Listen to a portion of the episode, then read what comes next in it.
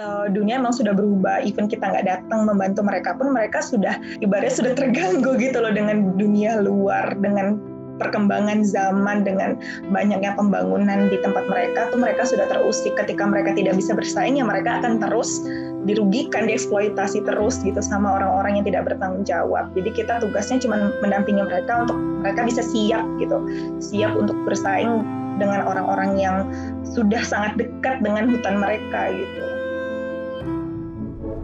Media Keuangan Podcast Suku anak dalam atau orang rimba saat ini masih dikategorikan sebagai masyarakat asing yang berdiam di Pulau Sumatera. Sobat Eksplorasi Anak Dalam atau SEAT Jambi merupakan sebuah komunitas yang bergerak di bidang sosial dan pendidikan untuk memajukan pendidikan dan sosial suku anak dalam Jambi. Reni Ayu Wulandari adalah salah satu pendiri dari SEAT Jambi yang sedang menempuh pendidikan S2 di Belanda melalui beasiswa LPDP. Seperti apa kisahnya? Simak podcast Media Keuangan bersama Reni Ayu Wulandari berikut ini. Apa sih yang menginspirasi Mbak Reni untuk mengunjungi suku anak dalam? Kan itu kan tidak hanya mengunjungi Mbak ya, tapi bisa berbagi ilmu di terhadap anak-anak di sana itu tiba-tiba mau ke sana gitu. Mungkin bisa diceritakan Mbak. Inspirasi awal ya. Um, jadi sebenarnya simpel sih, karena kan sebenarnya kan aku uh, asli da dari anak daerah ya. Bisa dikatakan aku lahir di Jambi karena ini suku anak dalam uh, kebanyakan mereka berada di Jambi. Jadi aku kayak ngerasa sebagai pemuda Jambi ya yang lumayan terdidik lah. Uh, at least aku bisa sampai sekolah di universitas. Kebetulan juga aku ber uh, di Jambi Universitas Jambi. Terus aku waktu itu mikir kayak hmm, apa sih yang bisa kita perbuat? Karena sebenarnya banyak banget anak muda Jambi yang tahu nih suku anak dalam, tapi nggak ada yang pernah berani nyoba masuk gitu loh. Karena kan kayak uh, ke hutan kayak gitu kan, terus trekkingnya juga susah. Jadi banyak kayak yang masih takut lah seperti itu. Jadi waktu itu aku mikir kenapa nggak coba? Jadi waktu itu awalnya aku masuk sama beberapa temen uh, awalnya sih emang nggak ada niatan yang jauh ya cuman sekedar nekat aja masuk ke sana. Eh alhamdulillah kayak banyak gitu loh inspirasi yang kayaknya kita harus berbuat sesuatu nih buat gerakan dan lain sebagainya. Sampai akhirnya kita buat komunitas yang alhamdulillah sekarang udah jadi yayasan legal uh, namanya Sehat Jambi dan aku juga waktu itu berkesempatan berkolaborasi di beberapa CSR dari uh, perusahaan uh, eh, BUMN. Kita juga, jadi aku dapat kesempatan juga untuk tinggal langsung bersama mereka kurang lebih satu tahun setengah waktu itu. Sebenarnya suku anak dalam kan banyak ya daerahnya, jadi kita kayak bagi beberapa daerah kayak gitu. Inspirasi awalnya itu sih, Uh, dan karena latar belakang aku pendidikan, waktu itu kan aku S1 pendidikan matematika, jadi misi awalnya itu emang kayak berantas buta huruf. Karena kan emang majority seluruh uh, suku anak dalam kan memang buta huruf ya, nggak tahu baca tulis. Dan menurut aku itu yang uh, salah satu hal yang sangat penting juga untuk diperjuangkan. Makanya misi aku sama komunitas ini kita bawa gerakan untuk memberantas buta huruf awalnya aku pertama kali berani terjun itu 2016 karena kebetulan aku waktu itu S1-nya uh, eh, pendidikan jadi aku ngambil instrumen permainan tradisional gitu. Jadi aku coba ke suku anak dalam gitu uh, nyari mengulik permainan tradisional mereka. Akhirnya aku kombinasikan dengan pelajaran uh, membaca menghitung kayak gitu yang sederhana lah terus aku coba implementasikan. Jadi untuk tulisan aku juga sebenarnya waktu itu aku kembangkan dari skripsi aku. Terus setelah itu malah banyak lagi, uh, bahkan setelah aku terjun langsung ke sana, banyak lagi kayak metode-metode pembelajaran yang emang konteksnya kayak kontekstual, bener-bener sesuai dengan kayak kearifan lokal mereka gitu, yang sesuai lah dengan uh, yang bisa mereka terima kayak gitu. Kalau saat Mbak Rini di sana, uh, mereka bereaksi gimana Pak? Welcome kah? Atau kah, ada adakah resisten-resisten tertentu gitu Mbak? Um, banyak banyak banget karena kayak banyak beda-beda sih karena kan di beberapa suku anak dalam itu ada yang mereka udah uh, bertransisi modern ya seperti kayak hmm. orang desa ada yang masih primitif sekali nah biasanya yang masih primitif sekali itu yang kayak susah nerima kita karena kan mereka udah sering tuh didatangi sama orang-orang asing ya terus hmm. udah banyak pengalaman kayak dieksploitasi lah dalam tanda kutip kayak cuman dimanfaatkan saja dan itu hmm. benar-benar terjadi. Jadi kayak ketika ada orang lain yang baru kenal mereka pasti mikirnya kita juga akan berbuat seperti itu. Jadi kayak awal-awal ya mas ya struggling juga untuk ambil trustnya mereka sampai akhirnya kita mau nginep bareng sama mereka kita berkehidupan seperti mereka uh, butuh waktu lama sih, nggak sebentar. Akhirnya mereka juga bisa welcome gitu, nerima kita dan anak-anaknya juga boleh kita ajar kayak gitu. Tadi kan Mbak Reni menyebutkan telah mendirikan komunitas SIT ya Mbak ya. Uh, yeah. Bisa set ya? Yeah. Bisa diceritakan Mbak awalnya gimana, terus uh, visi dan misi seperti apa, sampai saat ini seperti apa sih bentuknya gitu Mbak? Um, awal mula itu hanya komunitas apa ya perkumpulan aja anak-anak muda. Jadi sebenarnya waktu itu sasaran kita ada dua.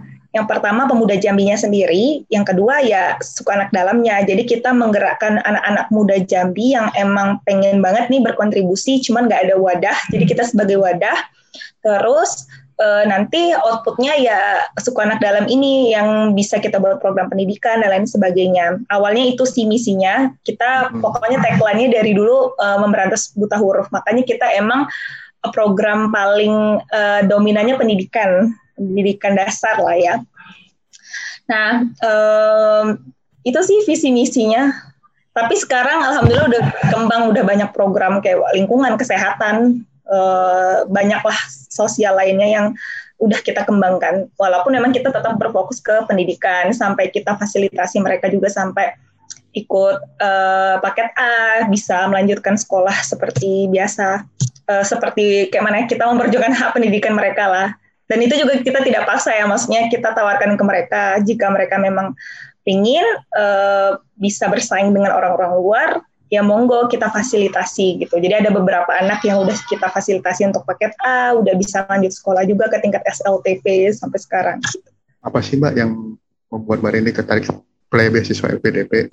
Karena ininya ya, tujuan emang tujuan dari LPDP kan uh, mencari anak-anak yang kontribusi untuk Indonesia ya. Jadi aku hmm. mikir kayaknya visi misi yang aku bawa itu sesuai dengan visi misi LPDP juga. Jadi makanya waktu itu aku mikir kayaknya uh, ini juga sesuai gitu. Kenapa nggak dicoba? Jadi akhirnya aku daftar LPDP. Walaupun aku dua kali ya, yang sekali nggak lolos, yang kedua oh, baru gitu. lumayan struggling juga sih mas. Karena untuk anak daerah seperti saya bahasa Inggrisnya nggak terlalu bagus. Jadi saya struggling juga belajar bahasa Inggris dari nol sampai akhirnya bisa. Alhamdulillah sekarang bisa lanjut kuliah ke Belanda. Oke, uh, kan Mbak Reni di Belanda kan mengambil studi di Development and Rural Innovation. Mungkin uh, bisa Mbak Reni ceritakan kenapa tertarik ke Belanda, Mbak, sama mengambil studi itu juga? Sebenarnya uh, aku mencari studi S2 aku nggak terlalu linear ya sama S1 karena yeah mau memperdalam uh, kayak social experience aku karena aku dari udah kebangun komunitas, sudah berkecimpung di dunia sosial lah, work, apa uh, di social working yang udah cukup lama berapa ta beberapa tahun belakang. Jadi aku memutuskan untuk ngambil S2 yang sesuai. Uh, jadi developmental study ya, ya waktu itu aku pengennya seperti itu. Nah, di beberapa kampus, alhamdulillah aku waktu itu juga keterima di beberapa kampus, tapi ended up akhirnya memilih Belanda karena jurusannya yang paling spesifik ya dan sesuai dengan yang aku mau karena ada ruralnya itu.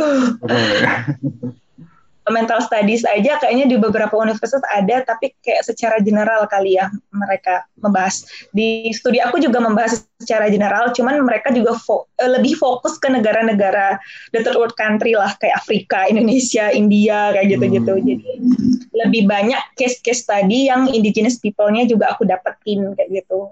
Jadi kayaknya jurusan ini memang lebih sesuai gitu loh yang hmm. aku mau dan diharapkan nanti outputnya aku banyak dapet uh, apa ya insight-insight baru, apa yang harus aku kembangkan lagi, tidak hanya di dunia pendidikan mungkin di lini-lini yang lain juga uh, ya yang bisa aku lakukan untuk inilah daerahku sendiri ya untuk suku anak dalam gitulah. Diharapkannya seperti itu nanti. Pengalaman menarik apa sih Mbak yang paling berkesan bagi Mbak Reni?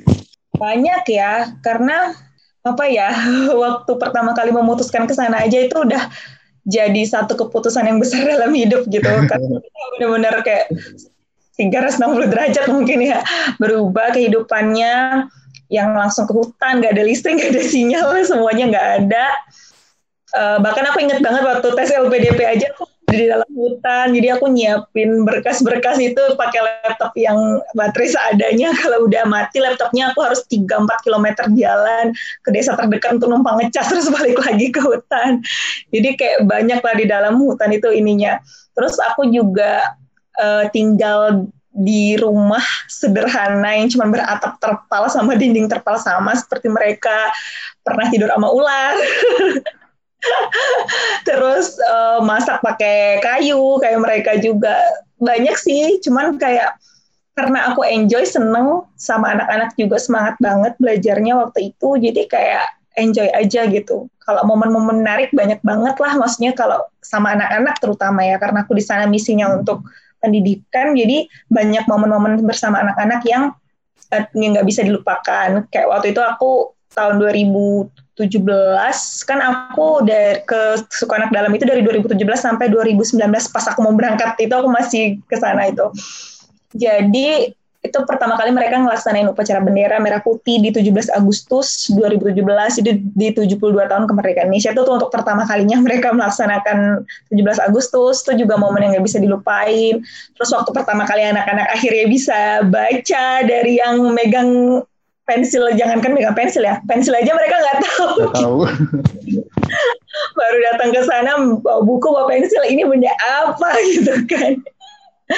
Ya meskipun juga banyak ini sih pro kontra kan namanya juga kita menyentuh orang primitif indigenous people juga banyak dari pihak-pihak luar kayak uh, ini nanti kalian mau modernisasi atau enggak? Apa segala macam kayak gitulah. Cuman kita yakin maksudnya tuh uh, dunia emang sudah berubah even kita nggak datang membantu mereka pun mereka sudah ter apa ya ibaratnya sudah terganggu gitu loh dengan dunia luar dengan perkembangan zaman dengan banyaknya pembangunan di tempat mereka tuh mereka sudah terusik. Ketika mereka tidak bisa bersaing ya mereka akan terus dirugikan dieksploitasi terus gitu sama orang-orang yang tidak bertanggung jawab. Jadi kita tugasnya cuma mendampingi mereka untuk mereka bisa siap gitu siap untuk bersaing dengan orang-orang yang sudah sangat dekat dengan hutan mereka gitu. Jadi mereka sudah berinteraksi dengan orang-orang desa, tapi mereka nggak bisa ngitung. Jadi kalau mereka menjual hasil apa namanya tangkapan mereka-mereka juga sering ditipu-tipu kayak gitu.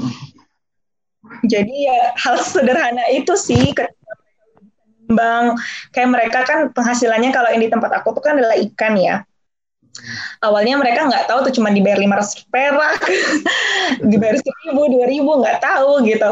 Karena nggak bisa nimbang terus kita ajarin berhitung kita ajarin nimbang sampai mereka bisa berjualan memang sesuai dengan yang uh, mereka dapatkan uang juga. Itu kayak satu hal yang sangat apa ya manfaat yang sangat luar biasa gitu yang bisa kita lakuin untuk mereka kayak gitu sangat menarik sekali mbak. Apalagi tadi kan yang upacara 72 tahun itu pertama kali ya cukup anak ya, dalam upacara. Mereka nggak tahu. Bahkan mereka tuh nggak tahu bendera merah putih.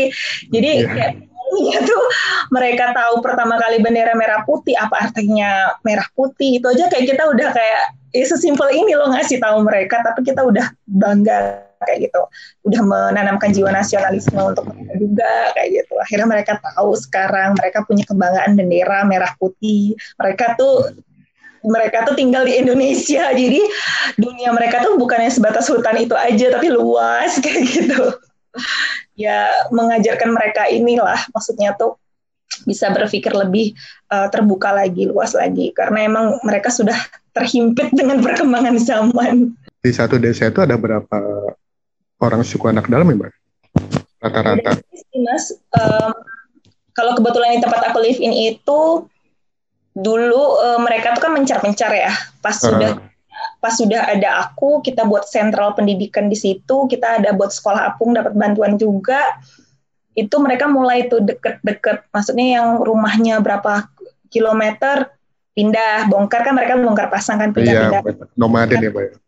Sekarang akhirnya sudah menetap di satu perkumpulan itu sekarang ada sekitar 16 sampai 20 kakak.